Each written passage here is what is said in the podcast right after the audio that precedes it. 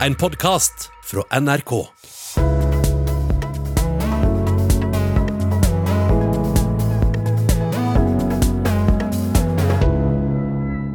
Velkommen til norsken, svensken og dansken, som hver uke fremover skal gi deg innblikk i de sakene som har preget nyhetsbildet og debatten i Skandinavia. Dette er jo et eksperiment som aldri før er prøvd. Vil vi forstå hinanden? Når grine på dansk betyr gråte på norsk. Og norske rolig betyr noe helt annet på svensk. Og dansker og svenske pleier slå over på engelsk når de møtes. Svenske Åsa Linderborg, kommentator og tidligere kultursjef i Aftonbladet, hører du mig? Jeg har dig. Og fra København og DR-byen, Hassan Preisler, er du der? Jeg er her. Det er så fint, og hvis dette lykkes, dette forsøket, så vil vi altså ha beredt grunden for Kalmar Union 2.0, som er mitt hemmelige mål. og mitt navn er Hilde Sandvik, frifant og grundlægger av broen XYZ. Men for svenske og norske lyttere, hvem er Hassan Preisler? Jamen, altså, jeg er oprindelig øh, uddannet skuespiller, altså skådis, mm-hmm. tror jeg det hedder på svensk i hvert fald. Nu ja, prøver jeg mig allerede med oversættelser.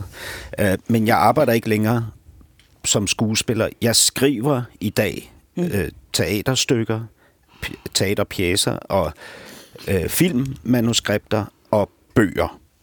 Uh, og så er jeg uh, så er jeg tidligere radiovært. Mm. Jeg har haft mit eget radioprogram, som blev sendt hver uge og havde mange, mange tusind lyttere, men det program eksisterer ikke længere, fordi min radiostation er blevet mm. lukket. Og det skal vi altså snakke lidt mere om, men altså først, hvordan vil dine fiender beskrive dig, tror du? Jamen altså, nu er det sådan i Danmark, at, øhm, at alle, der ligger til højre for Che Guevara, bliver betegnet som højre radikale. Øh, og, og i virkeligheden så ligger vi jo alle sammen i praksis til højre for Che Guevara, men man tilslutter sig ligesom de øh, ekstremt venstreorienterede ideologier i de danske kulturbrancher. Mm. Så derfor vil jeg nok sige, at øh, mange af mine kolleger inden for kunstbrancherne vil betegne mig som højreorienteret, selvom jeg genetisk absolut er venstreorienteret. Mm. Samma till dig då Åsa. Vem är du? Ja, jag är utbildad historiker, jag har en doktorsgrad i historia. Eh, jag är författare och eh, jag är försörjer mig som journalist. Jag har varit kulturchef på Aftonbladet i tio år och har precis gått av. Och ska nu fortsätta på Aftonbladet som en fristående skribent. Men altså samme til dig. Du har, holder i øjeblikket på at være, mm, du, du er skrivledig, mm. som det heter. Du sitter og skriver. Er det tungt? Er det lätt? Har du gode dagar? Jag avskyr att skriva. Det är ensamt, tråkigt och väldigt svårt. Mm. Ja, eh, dina fiender, vad säger de om Åsa Linderborg? Ja, mina, jag tror att Hassan tycker att jag skulle beteckna mig som en vänsterextremist eller bolsjevik eller whatever. Jag brukar politiskt sett kalla mig för socialist och eh, marxist. Det är men, så fint att men ha med. Jag är, också, jag är också journalist. Och det gäller att försöka balansera de där två. Mm.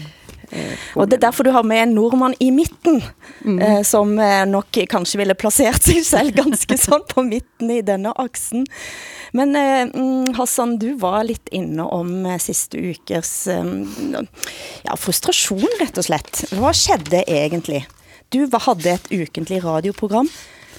Nu ja. er det ikke der længere. Altså, jeg, jeg vil måske bare, fordi nu, nu nu begynder vi med at tale om politiske placeringer, og, og i virkeligheden så interesserer de politiske placeringer mig ikke særlig meget, fordi jeg arbejder som kunstner. Mm. Øh, og som kunstner mener jeg egentlig, at jeg bør forholde mig så neutralt som overhovedet muligt, men voldsomt mistænksom i forhold til magten. Mm. Og det er egentlig der min interesse, min primære interesse ligger. Og så udfordringen af de her betegnelser af det gode og det onde, mm. altså det, der er rigtigt og det, der er forkert.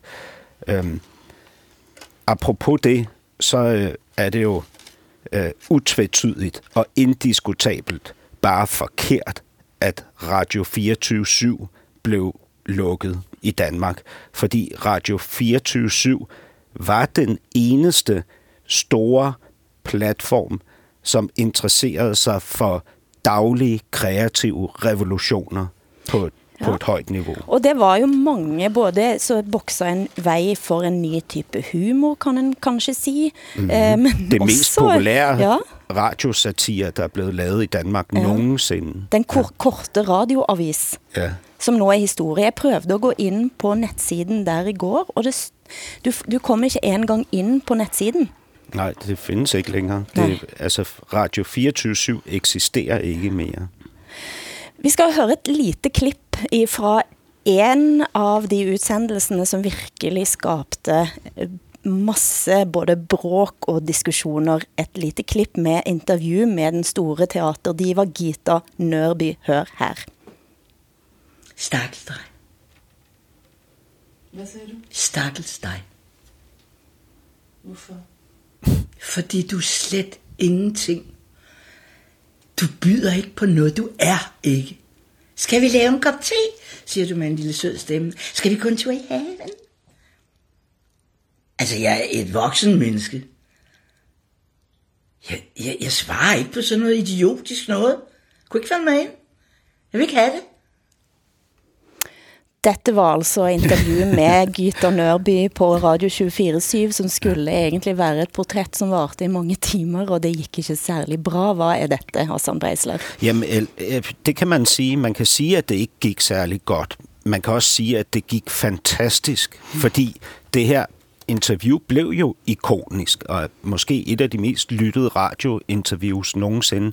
Og det blev ikonisk ikke på grund af konflikten, men, alle de, men på grund af alle de lag, som konflikten eller møde mellem de her to meget forskellige kvinder indeholder. Detta dette var kanskje også en ganske symptomatisk eh, 24-7-utsendelse, som nå Socialdemokratiet rett og slett har sørget for at det ikke kommer til å skje igen. Eh, men du har et annat horn i siden til regeringen i øjeblikket, Hassan. Jamen, altså, prøv at høre, når nu vi taler om det her med kreative revolutioner, og at markere sig uden for den komfortable midte, og vi taler om vores politiske orienteringer og neutralitet, min mistænksomhed i forhold til magten og alt sådan noget, så har vi bare i kontrast til alt det, så har vi det danske socialdemokrati, som er et fundamentalistisk magtparti. Altså deres interesse er magten. Mm. Og det er det, de fokuserer på. Og til at opnå magten vil de bruge hvilke som helst øh, redskaber i værktøjskassen. Altså hvad, hvad de kan trække frem, vil de trække frem. Nu, I kan jo sikkert høre, at jeg er, er påvirket. Jeg, jeg du er en smule. ja. men, men det er jo også fordi, min, min teori er, at det til syvende og sidst var Socialdemokratiet, der lukkede mm. Radio 24 mm. Mm. Och så vad ville detta kunna skedd i, i Sverige tror du? Nej, alltså jag är lite förvånad över att en... Är det verkligen regeringen som har lagt ner en kanal? Så, så fungerar det inte i Sverige, utan då är det radioledningen som Du får som licens bestäm. som det heter, sant? Ja, just det. Och radioledningen la alldeles nyligen ner hela, hela P3, alltså en hel, hel kanal. Mm. Um, det var också lite politisk debatt runt Ja, lite. Men det handlar om att de inte hittar de unga, unga lyssnarna. Och mm. Eh, här säger väl då Socialdemokraterna... Jag är fortfarande förvånad över att, att det är regeringen som fattar ett sånt här beslut. Men de, är det inte så att, att man ska använda pengarna till barn och ungdomskultur istället? Säger de inte det? Jo, det är Radio Loud, är det inte det, Hassan, som nu får jo. de pengarna?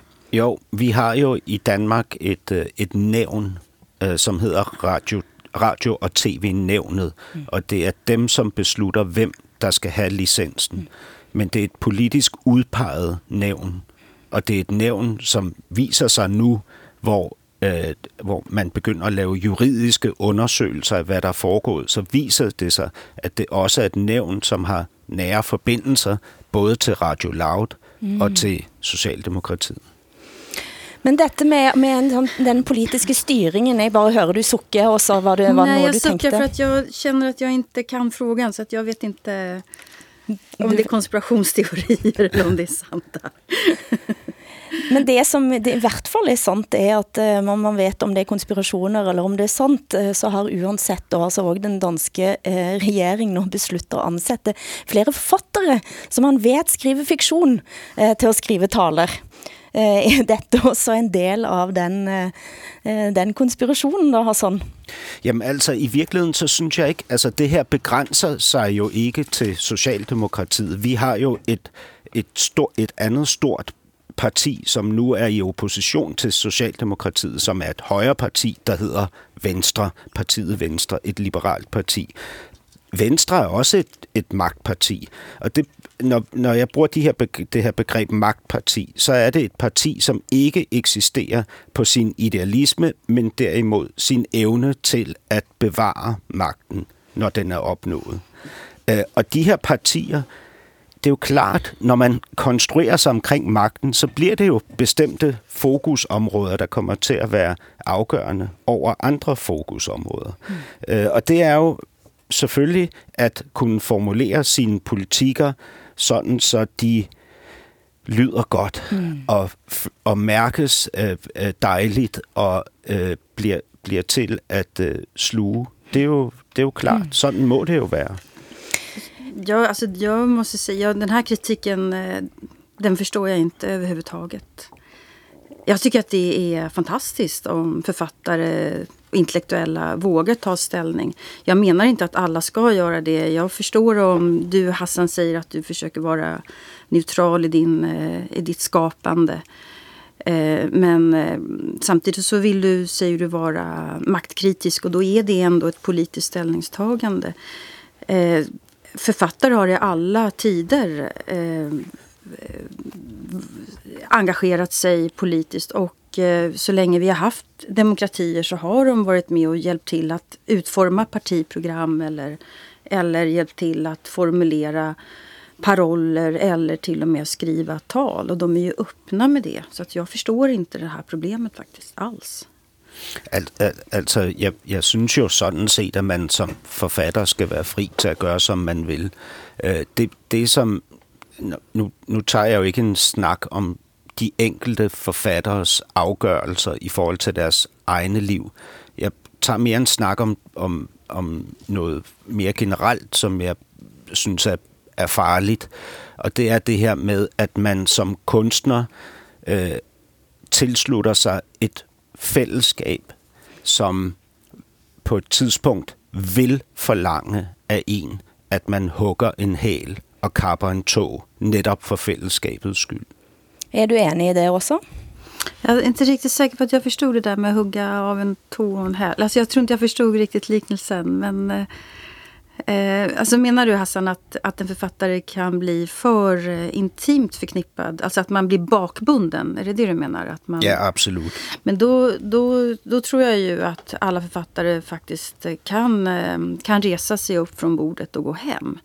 Eh, de är inte partimedlemmar i den meningen. De sitter ju inte i riksdagen eller, eller Stortinget eller vad det nu är. Det skulle också i och för sig vara, vara spännande. Ehm, de är ju inte, de är inte slavar, eller hur jag ska uttrycka mig. Vi jag tycker, däremot skulle jag säga att det är ett riskspel för ett parti att ta en författare eller en konstnär. För de kanske uttrycker sig på ett sätt som, som är, är obegripligt. Jag har ett exempel på det. Eh, Vänsterpartiet kommunisterna, eh, som det hette en gång i världen. På 80-talet så lät de 12 olika konstnärer göra valaffischerna. Och det var fullständigt obegripligt vad Vänsterpartiet kommunisterna ville säga. Så, det, ja, det, det hörs ut som en avantgardistisk... Ja. Låt oss eh, ta en liten sveip över till Sverige och den svenska politiska situationen. För det är kanske inte så lätt att förstå det heller. Och kan höra ett litet klipp från den norska podcasten från Världens gång, Jäver och gängen. I dag våknet vi da til med å si eh, sjokkmelding, overraskende melding, ganske stor sens politisk sensasjon. Sverigedemokraterna i Sverige, et parti som for en del år siden hadde eh, klare nazistiske sympatier, er i dag det største partiet i Sverige på meningsmålingene. Hva har skjedd, Hanne Skartvedt? Ja, dette tror jeg handler mye om kriminalitetsutviklingen i Sverige. Om et Sverige som i mange mange år ikke tok de nødvendige debattene om eh, integrering, innvandring. Eh, er, Sverige er jo tror jeg, mye mer segregert enn Norge er. Og det er klart De bombene som har gått av der de siste månedene, er väldigt, veldig veldig skremmende for folk. Og da tror jeg at de som scorer på det, er et parti som Sverigedemokraterna. Ja, dette er altså måten som en diskuterer det som skjer i Norge, det er altså i Sverige. Kan du förklara också? Ja, eh, ska vi, ska vi prata om Malmö eller ska vi prata om Sverigedemokraterna? vi kan först tror... snacka om det om Sverigedemokraterna ja. och så svejper vi in om Malmö på slutet. Exakt, för jag tror att eh, det, är ju, det är helt riktigt att, att eh, gängkriminaliteten och, och segregationen betyder väldigt mycket för att Socialdemokraterna tappar så många väljare till Sverigedemokraterna. Men det finns också en, en dimension till i det här och det är den ökade sociala olikheten och ojämlikheten. Socialdemokraterna med sin mittenpolitik de har eh, inte genomfört en enda reform för vanligt folk och kommunerna har enorma problem. Eh, bland annat på grund av stor invandring, men det är absolut inte hela sanningen. Eh, och det här märker folk av. Att, att det är svårare och svårare helt enkelt att, att eh, med den, den, sociala infrastrukturen med vård, skola, omsorg och sådär. Detta i kombination med gängkriminaliteten blir ju explosivt. De kallar sig själv för den snabbast växande folkrörelsen. Mm. Men eh, här ligger också ett annat poäng till grund, nämligen att eh, då det äntligen blev svensk regering, så har den regeringen sett utanför eneste syfte, en målsättning och det är att hålla Sverigedemokraterna ute. Var det ett klokt valg? Alltså det är ju det är ju väldigt paradoxalt och jag, det här, vi som var kritiska till det här från början sa att det är precis det här som kommer att ske. Det är att skriva ut högerpopulism på recept. Eh, jag menar att, att Socialdemokraterna skulle ha låtit eh, de borgerliga bildar regering med stöd av Sverigedemokraterna. Det var, alltså, 60, det var 60 procent som röstade blått. Mm. Och istället nu så genomför Stefan Löfven en borgerlig politik. Eh, och Sverigedemokraterna växer. Så att det har varit oerhört kontraproduktivt. Vad tror du om det, Hassan? Jamen, nå, men, altså, det, det er jo, jeg synes, det mest overraskende i det her, det er, at alle bruger betegnelsen overraskende om den her udvikling, fordi det er, jeg synes, det har stået i kortene, at det måtte ske det her. Jeg ved ikke, om det havde gjort nogen som helst forskel, om de borgerlige havde dannet en regering med Sveriges Demokraterne, eller med Sveriges Demokraterne som støtte, støtteparti, fordi det var faktisk det, vi gjorde i Danmark, og det reducerede jo ikke vores Sveriges Demokraters vækst, Dansk altså Folkeparti. Dansk Folkepartis mm. vækst. Men, men altså, jeg må sige, jeg er jo ikke... Altså, jeg, jeg, jeg er kunstner. Jeg er oprindelig skuespiller. Jeg er ikke politisk ekspert. Øh, men, men, men det, for mig personligt er der ikke nogen overraskelse i, at den her udvikling sker. Dette er Norsken, Svensken og Dansken i NRK P2. Det som kanske är överraskande är att eh, Stefan Löfven, statsminister i Sverige, han satt på svenska agenda nå nylig och virket som han var tatt på sängen som man säger på norsk. Hör här. Undersökningar visar att Sverige ligger i Europatoppen när det gäller dödsskjutningar av unga människor. Mm. Vad beror det på? Var, om man går tillbaka eh, eh, lite grann i, i tiden så, så, var Sverige förskonade från den här typen av, av brottslighet medan andra länder hade det problemet och då kanske vi inte riktigt såg det komma. Eh, nu har vi från dag ett när jag tillträdde arbetar vi med eh, just detta, att se till att knäcka den organiserade brottsligheten. För nu sker ju dödandet ute på gator och torg. Men vad beror det på att just Sverige sticker ut här? Eh, som jag sa så tror jag att vi, vi, vi hade en annan, eh, ett annat dödligt våld i Sverige förr som då har minskat medan andra länder hade den här typen av problem. Och vi såg nog inte det riktigt komma att, att också Sverige skulle kunna få den utvecklingen. Och det här är något som har, som har skett under, under lång tid. Så det... Varför har vi fått det då? Ja, men, återigen, vi har inte varit riktigt förberedda på att det också skulle kunna eh, drabba oss. Vi hade inte den typen av våld då, och då så, eh, men nu har vi det och det är därför vi måste bestämma oss. Och det gäller men jag bara undrar, för mycket av både fattigdomen och utanförskapet och eh, gängbrottsligheten är ju eh, numera etnifierad. Det är, liksom, den är, den, eh, det, fin, det är mycket fler människor med utländsk bakgrund som både är fattiga och utsatta och som finns i de här gängen. Utav de... Kopplar du ihop invandringen med segregationen? Nej, jag kopplar ihop, eh, som jag säger, segregationen beror på att eh, det är för låg sysselsättning, för hög arbetslöshet i, i de här områdena. Men det hade ju varit oavsett vem som hade bott. Om du så sätter dit människor som är födda i Sverige under samma förutsättningar så får du samma resultat. Vi såg inte det här komma, säger Stefan mm. Löfven tre ja. gånger där. Ja, tre gånger. Ja, Vad tänker du, Åsa Linderborg? Kanske borde han haft en författare att skriva talen för sig här. Jag hade kunnat hjälpt honom lite här. Det, det, där var inget bra alls. Eh, men man ser också att eh, socialdemokratiska ministrar är uppdelade i good cups och bad cups. Man tar Stefan Löfven, han pratar om sociala lösningar, att vi måste satsa på skolan och bostadsområdena och så vidare. Sen har vi en inrikesminister som heter Mikael Damberg. Han pratar bara om juridiska lösningar, hårdare straff och hårdare tag. Och så försöker de liksom vinna allas förtroende på de här båda, båda linjerna. Går, det, fungerar det? nej, det? Nej, det går ju helt uppenbart inte. Och eh, det är, det, det är ju dåligt av Stefan Löfven att inte tänka att nu måste jag erkänna att det här har att göra med att vi har en ny befolkningsstruktur i Sverige. Eh, vi har, eh, vi har tagit in väldigt många människor och vi, utan att ha en infrastruktur för att hantera alltihopa det här när det gäller bostäder, mm. utbildning och arbete. Men, men, det som sker nu i Malmöregionen men också i Göteborg och flera av de andra byarna är, är ju inte knyttat till det som skedde i flyktingkrisen 2015 där folk som har bott mycket längre och kanske andra, tredje, fjärde generation. Uh, och bara låt oss höra ett litet klipp Eh, som säger någonting om allvarlighetsgraden i Malmö.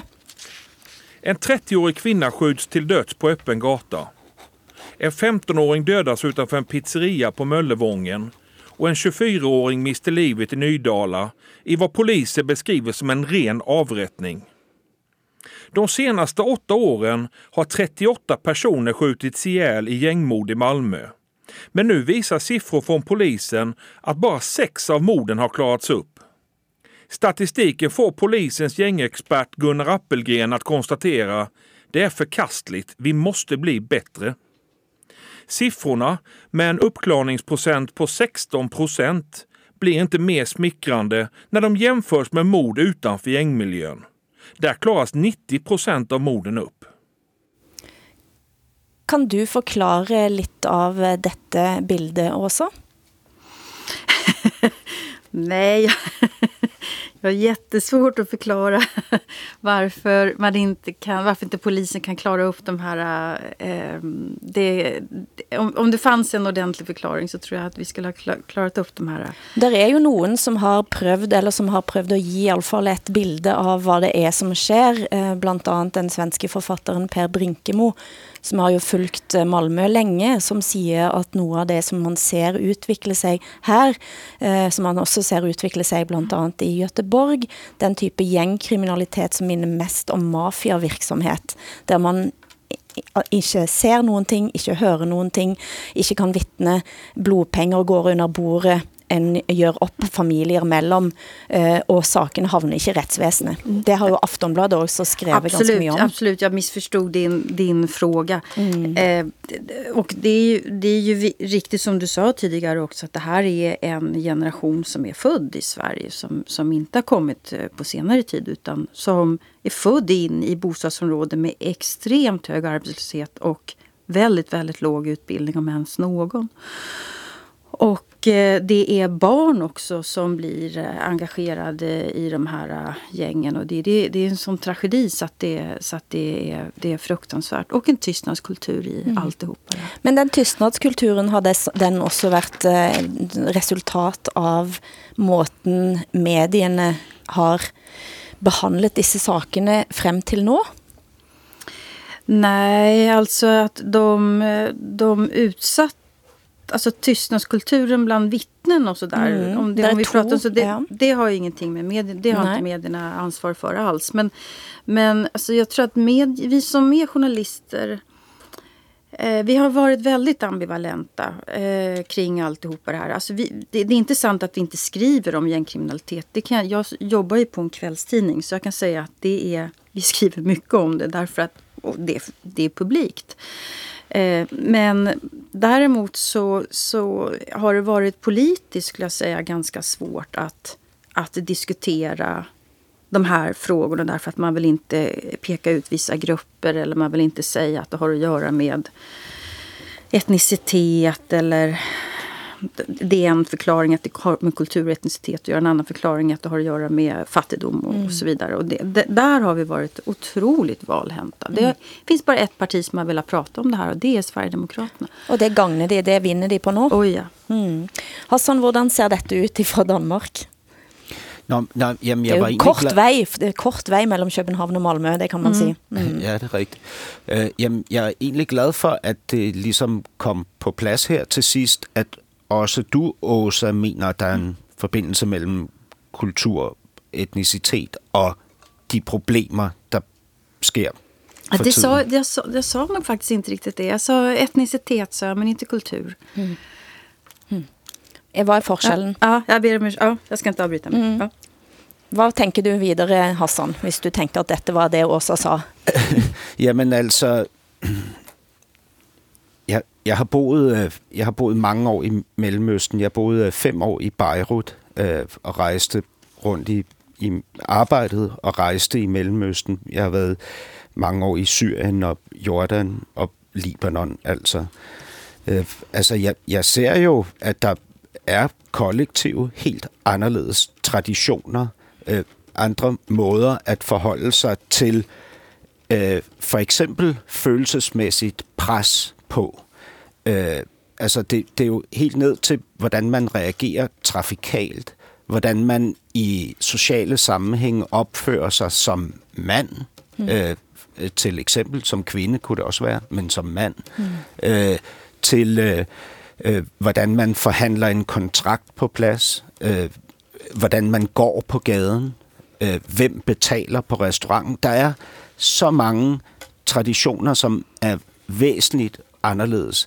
Og det er traditioner, som binder sig op på det mest fundamentale inde i os som individer. Og det er det, der handler om eksistens, altså skam eller stolthed, succes eller fiasko. Så du mener at en del av det som sker i Malmö tar med sig noget fra et andet sted i verden? Absolut. Mm. Jeg, kan, jeg kan simpelthen ikke forstå, hvordan man kan sige andet end, at bestemte måder at reagere på kollektivt är kultur. Mm. Det är kultur. Mm, jag tror vi pratar om lite olika saker här. För att naturligtvis så är det skillnad på vad man har för syn på, på män och kvinnor i, i, i Sverige och i många, de flesta andra länder skulle jag säga. Eller på aggression. Ja, det, det, kanske, ja, det, det kan jag ingenting om. Det, eh, det, det, men det, vad jag tänker här i alla fall är att gängkriminaliteten som vi pratar om i Malmö, den, har, den är ju inte kulturellt betingad. Det handlar ju om knark och eh, revir och, och sådana saker. Och där kommer man in i de här gängen eh, lite oavsett vilken kultur du har. Det har att göra med eh, social desperation och, och fattigdom och vilka med, du känner ja, mm. och var du bor någonstans tror jag. Nu sa ju till och med denne TV-verten på eh, Sveriges Television att ja, men det är ju väldigt många som lever fattigt och som allikevel inte begår drap eller kommer in i den typen kriminalitet. De flesta gör ju inte det. Nej, de mm. flesta gör inte det. Men du Hassan, du har ju bott i, i området i København där, där fakt, du har ju haft gängkriminalitet rätt utanför stuevinduet ditt. Ja. Eh, Altså, Hva var det? Jeg bor der stadig. Jeg bor fortfarande på, øh, på, øh, på Nørrebro, hedder det. Nørrebro er en, øh, hvad nogen vil kalde en multi, multikulturel bydel. Mm. Øh, altså, det er både en bydel, hvor der er mange unge mennesker, mange børnefamilier, øh, og meget et meget kreativt miljø, altså gallerier og caféer. Øh, og så er det et, øh, et område med, med bander, øh, hvad hedder det, yang bander. Øh, og det, det betyder jo, altså der hvor jeg bor, der har vores gader været styret af en bestemt bande mm. over flere år. En bande, der hedder LTF, eller Loyal to Familia. Og de styrer, de styrer gaden på den måde, at de får beskyttelsespenge fra caféerne. Mm. Øh, de kontrollerer kioskerne og supermarkederne. Og de bestemmer, hvor jeg må kigge hen, når jeg går ned ad gaden. Hvis jeg kommer til at kigge et forkert sted, så kan jeg få alvorlige problemer. Altså med mit blik. Jeg, skal, jeg, skal, jeg må ikke kigge dem ind i øjnene. Øh, Det er, det er et ekstremt niveau af social dominans, mm. der foregår ude i gader, som, øh, som er hjemsted for alle mulige forskellige mennesker, altså rigtig mange børnefamilier. Øhm, og øh, og det, har, det har været voldsomt at bo der. Det, det kulminerede med en bandekrig mellem to bander, altså LTF på den ene side og Brothers på den anden. Øh, en brutal bandekonflikt, hvor de skød på hinanden konstant. Litt sånn à la det som skjer i Malmö nå. Ja, og vi havde på Nørrebro, havde vi dag og nat en helikopter over vores gader, mm. og en militær drone, som filmede øh, øh, gaderne for at øh, sikre sig bevismateriale for at kunne øh, straffe de her øh, voldsforbrydere, når de øh, begik deres overgreb. Mm. Og øh, altså, jeg, jeg må... altså, det, det er jo absurd for mig. Jeg har, jeg har hippie-forældre. Mm. Jeg, som jeg sagde i begyndelsen, jeg er genetisk venstreorienteret. Mm. Jeg er imod statskontrol. Mm. Jeg har lært, at politiet var mine fjender. Min, min far demonstrerede i 60-tallet mm. øh, mod øh, øh, politiovergreb. Mm. Ikke? Altså, det er, hvad jeg har lært. Mm. Og jeg må bare erkende, at bandekonflikten er det bedste, der er sket for os på Nørrebro, mm. fordi politiet rykkede ind. Mm. Og det bedste middel, der har været mod denne her ekstreme dominans i, vores gader, har været en voldsom politiindsats. Altså en brutal og voldsom politiindsats. Ja. Er, det, er det, ja, vad tänker du också? Nej, det förstår jag helt. Alltså, och eh, Hassan, du, är du är verkligen auktoritet på det här området. Jag, jag eh, skulle aldrig, aldrig någonsin if- ifrågasätta dina erfarenheter härifrån. Verkligen inte. Och, eh, många jag känner som bor i motsvarande områden i Sverige vittnar om precis, precis samma sak. Så det är klart att det måste till stora polisiära insatser för att få bort de här kriminella gängen. Men det jag funderar över bara det är, jag skulle inte vilja diskutera att man hamnar i gäng på grund av sin kultur. Utan det tror jag har att göra med skolans misslyckande, bostadsområdenas misslyckanden och andra saker. Altså at Så- det er et utenforliggende eh, Ja, det- årsak for ja, at en ja, havner det- der en havner? Ja, det tror jag är viktigare i alla fall. än- än- Tror du det, Hassan? Jamen altså, jeg tror selvfølgelig også, at der er en social indflydelse, mm. men jeg tror bestemt også, det handler om kultur. Altså, når man, når man ser på Beirut, så må man jo, eller Libanon, hvor jeg har boet, så må man sige, at det er et øh, segmenteret land. Der er 48, øh, øh, hvad, hvad kunne man kalde dem, bander i virkeligheden, yangs, altså politiske partier med hver sin lille armé, mm. som slås mod hinanden mm. i gaderne. Ikke? Og jeg siger ikke, at den ene kultur er bedre end den anden. Jeg siger bare, at forskellige kulturer har på forskellige trin i deres udvikling forskellige måder at reagere på det, der er knusende på det følelsesmæssige område, enten individuelt eller kollektivt. Fast då tror jag att jag är radikalare än du. jag, jag tror att vissa kulturer är bättre än andra i vissa frågor. Ja, Kom det, igen. tror, det, tror side? det tror jeg i virkeligheden også, Åsa. Det, ja, Det er godt vi får dette ut av sekken nå. ja. Eh, men eh, altså, eh, når vi først er inne på kriminalitet, det er jo ikke bare, altså, det blir ikke bare begått drap altså av bander eh, i byene. Eh, det er en sak som har oppskaka Danmark den siste tiden, og la oss høre et lite klipp her. Hvor usædvanlig er den her sag?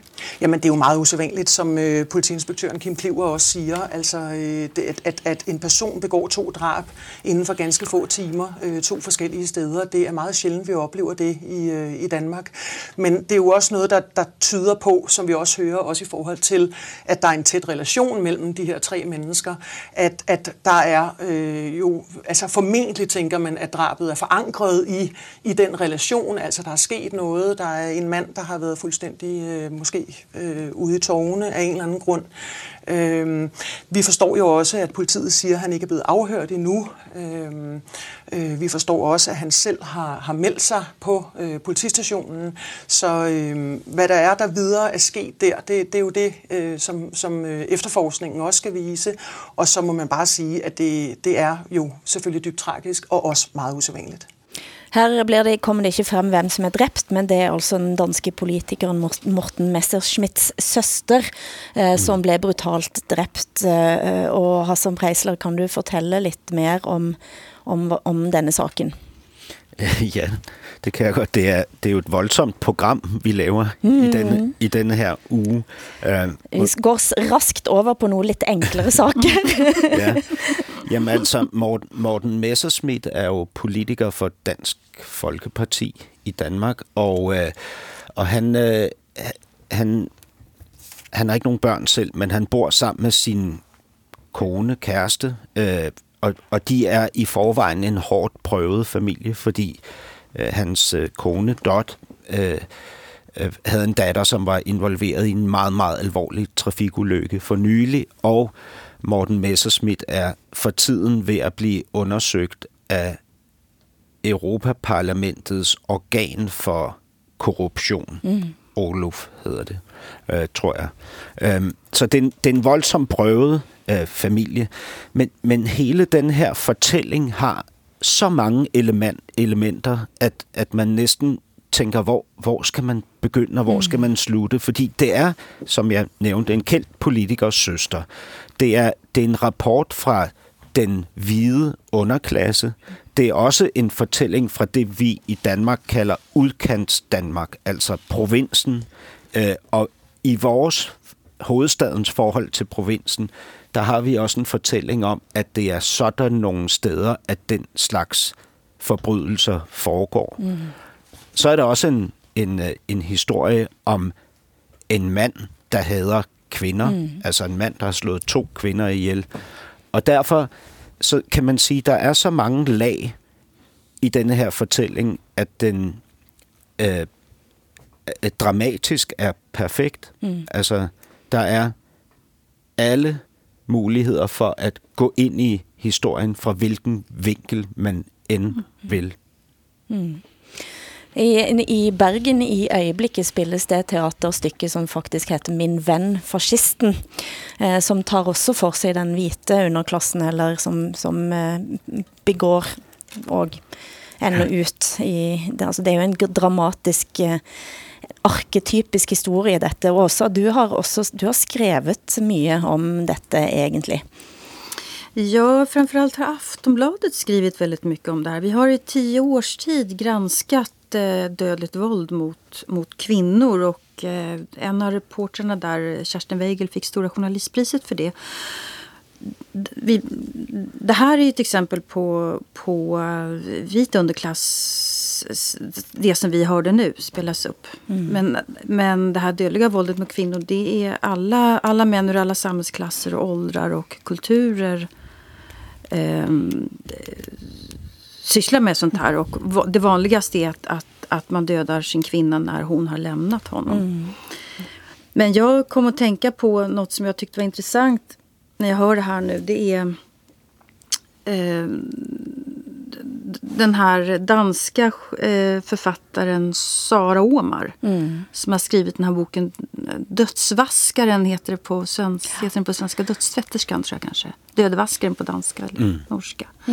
Jag träffade henne i- just i Bergen nämligen. Det var därför jag kom att tänka på, på henne nu. Och hun kom ut med en ny bok forrige uke. Jaså, vad Mm, roligt. För, mm. ja, det var morsomt att höra. För, hur som helst, poängen är att hon berättade för mig att när boken kom ut i Sverige Alltså hon fick ju, den är översatt till hur många språk som helst. Hon har fått fantastiska recensioner överallt och framförallt att hon gör någonting viktigt här.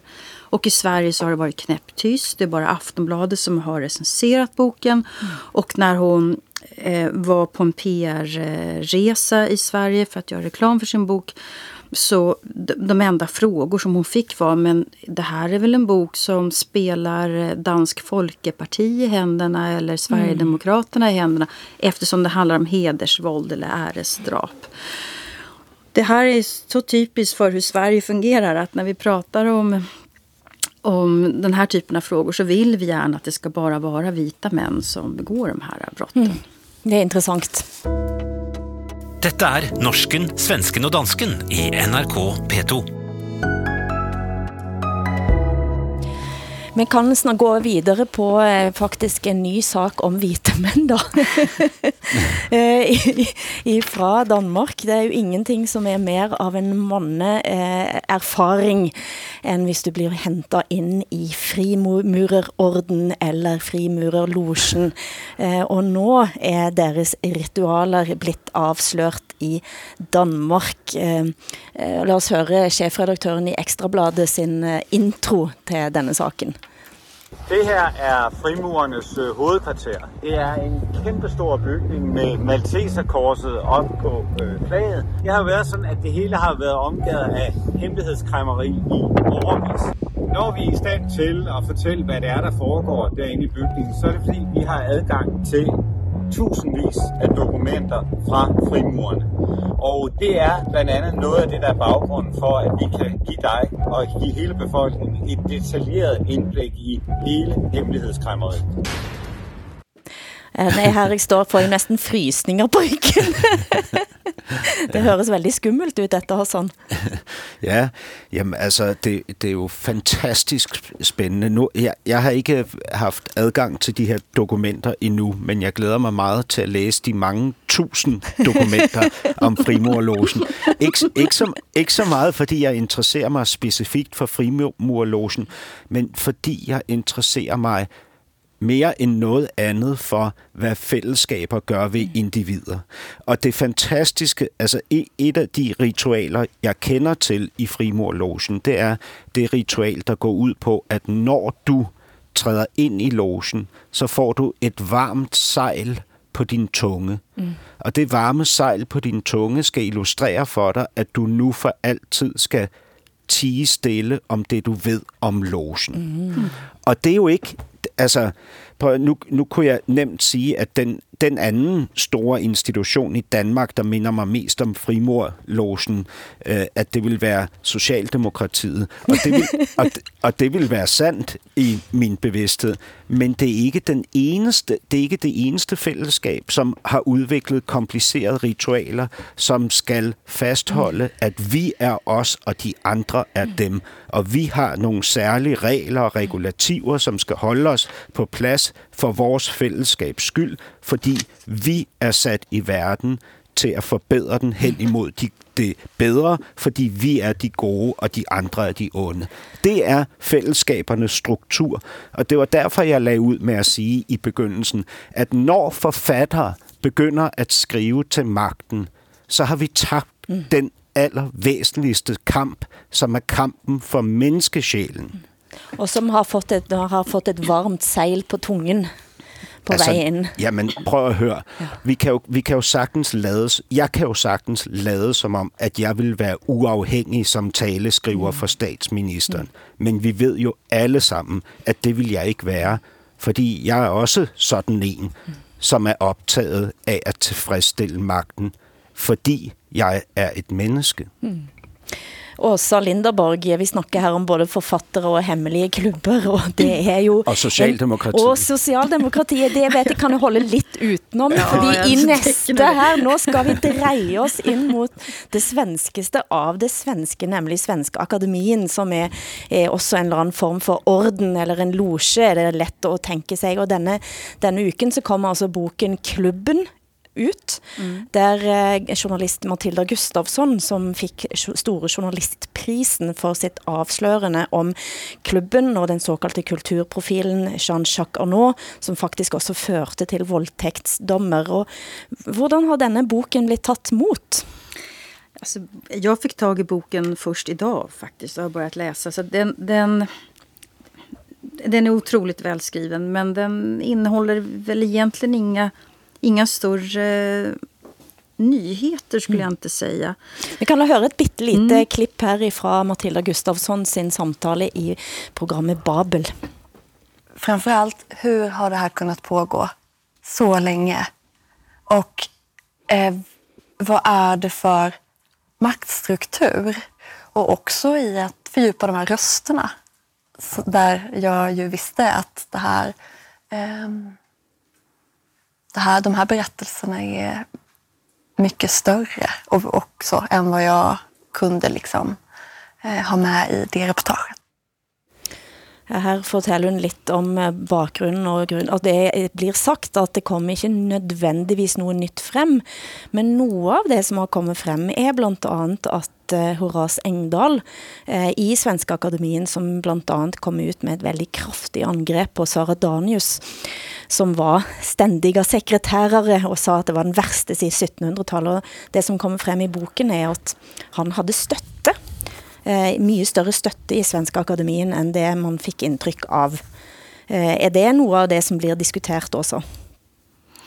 Nej, egentligen inte fakt, faktiskt. Ehm, det är inte, jag tycker inte att det är en särskilt intressant uppgift.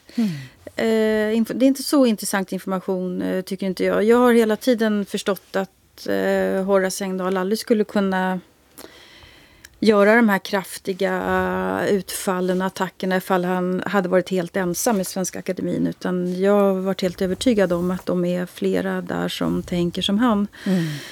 Ehm, Det är alltid svårt att diskutera nu Sara Danius som väldigt tragiskt är avliden. Men jag, tror att vi, vi eh, som journalist men också som historiker så vägrar jag att gå med på den här bilden av ett helgon eller att hon är vit och alla andra är svarta. Mm. Eh, det, det finns mycket att diskutera när det gäller hennes sätt att sköta hela alltihopa det här. Och det kan jag säga utan att för den skull eh, förringa betydelsen av, av, eh, av Matilda Gustafssons reportage. På, på vilken måte mm, vill du säga att Sara Danius inte var en helgen för att säga det sån? Alltså här, ehm, nu är det ju så då att jag som journalist sitter på information som jag inte riktigt kan, ehm, kan lägga fram än i dagen. Men om jag säger så här då, att hon var, hon var omdiskuterad som arbetsledare. Alltså Mm. Svenska Akademin är en ganska stor arbetsplats. Mm. Och hon hade en chefsstil som, som alla helt enkelt inte uppskattade. Jag kan inte avgöra om de har rätt eller fel i det. Men, men, och hon fattade beslut om den här att det skulle vara en, en advokatfirma som skulle utreda de här uppgifterna i Dagens Nyheter. Det fattade hon beslut om ensam och inte, inte, inte samfällt med de 18, om jag har förstått saken rätt. Men det är det, Till det man kan exempel. hålla Och på. det, det kan ja. man förstå att, att då några blir arga över. Mm. Samtidigt så kan man väl också tycka att det är självklart att det här ska utredas. Mm. Men det att man heller, alltså Svenska Akademien fortsätter på ett, ett vis som før, bare at man gav ut to priser i år istället för en. Och og all kritikken som har vært, og all diskussion som har vært här, det er preget på noe vis hvordan man jobber og tenker. Altså fra utsiden sett så virker det som det er mer av det samme. Nej, alltså det har varit stora förändringar i Svenska Akademin med anledning av det här. Bland annat att man nu mera kan lämna Svenska Akademin. Det kunde man inte förra. Mm. Och det skulle jag säga är den enda likheten med, med frimurarorden. Mm. Det är att man, att man, man var fångad på livstid.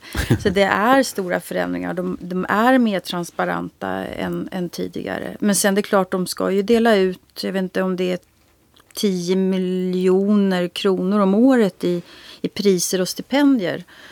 Och det har alltid varit priser och stipendier som man inte kan söka utan då blir man tilldelad. Mm. Och jag har inte riktigt sett något problem med det egentligen. Vi har andra stora kulturinstitutioner mm. som, där man söker pengar. Raskt vidare till Norge faktisk nu, för eh, detta är ju hela Svenska Akademin diskussion runt. Eh, sprack ju också samman med hela metoo. Bevegelsen, hvis man kan kalle det det. Og nå denne uken, de siste ukene så har to eh, men eh, så som ble rammet av metoo-journalistikk, eh, slått tilbake den siste tidligere unge Høyre-leder Christian Tonning Riise. Hør på et intervju med han med TV 2. Hun anmeldte deg ikke til politiet? Nei. Hun har ikke hevdet at det er et overgrep? Nei. Men hun mener at du bagatelliserer det som skjedde? At hun egentlig ikke ville? Hvordan uh, forstår du det hun sier?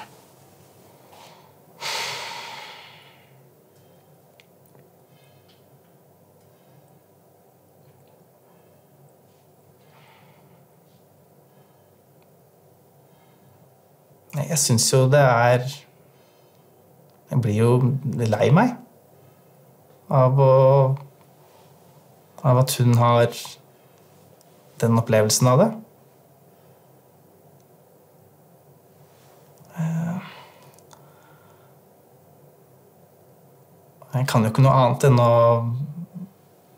beklage og si at det var forferdelig dumt.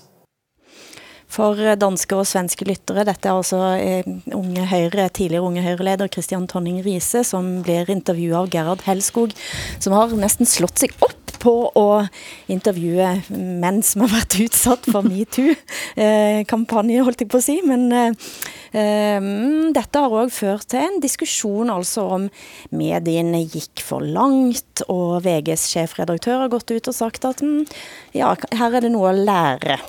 Hva tenker du om det som tidligere kultursjef Åsa Linderborg? Du var också mitt i denne stormen kan man si på många vis. Ja, alltså min första text om metoo det handlade om att medierna gick allt för långt. Att vi anklagade folk som inte var dömda för någonting. Och eh, vi förlorade vår journalistiska instinkt eftersom vi sa att vi måste alltid lita på de här kvinnorna. Och så har det ju nu i efterhand visat sig att kvinnor har ljugit och män har eh, vunnit förtalsrättegångar. Eh, och på, på torsdag börjar rättegången mot Fredrik Virtanen som var den första första metoo-fallet vi hade i Sverige. Och det är alltså en förtalsrättegång där kvinnan som anklagade honom då står inför rätta. Och allting tyder på att han kommer att vinna den, den saken. Mm. Eh, Hassan, eh, hvordan ser dette ut eh, fra Danmark? Jamen, det er måske mere relevant at spørge mig, hvordan det ser ud fra... Øh, fra mand? ja, fra, fra, fra Y-kromosomets ja. side. Ja. ja. Mm. Jamen altså... Altså det, det er jo, hvad hedder det, det her er jo en debat, som jeg igennem alle de år, den har raset, har øh, afholdt mig fra at deltage i. Og det er fordi den er, altså jeg, jeg bliver simpelthen for bange. Altså jeg bliver for, for red, red for at, at gå ind i debatten. Og sådan er det jo med debatter, hvor at man enten kan være with us og against us, som mm. Bush sagde, inden han gik ind i Irak. Uh, jeg, altså jeg, jeg har jo en eller anden offentlig profil, og derfor er jeg også personligt bange. Mm. Altså, jeg har jo øh, jeg har kvinder, jeg er stødt på i min karriere og i mit privatliv, hvor jeg garanteret har gået over nogle grænser. Øh, det, det, jeg, vil, jeg vil være overrasket, hvis det ikke var tilfældet. Mm.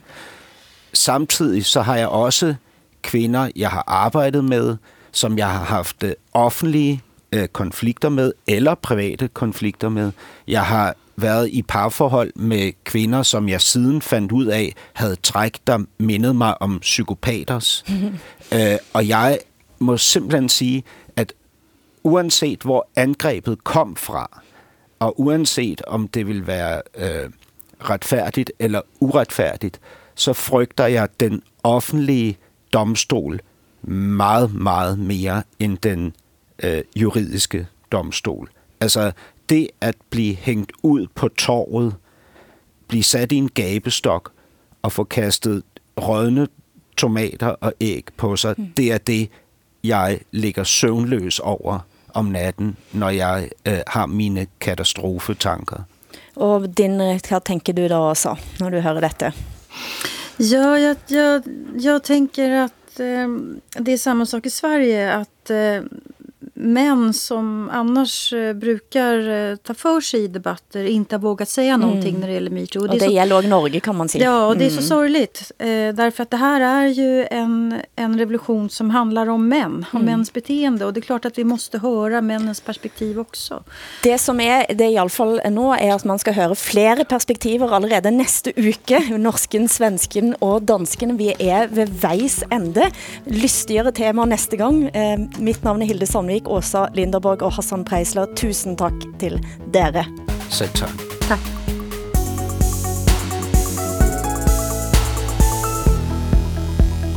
Du har hørt en podcast fra NRK.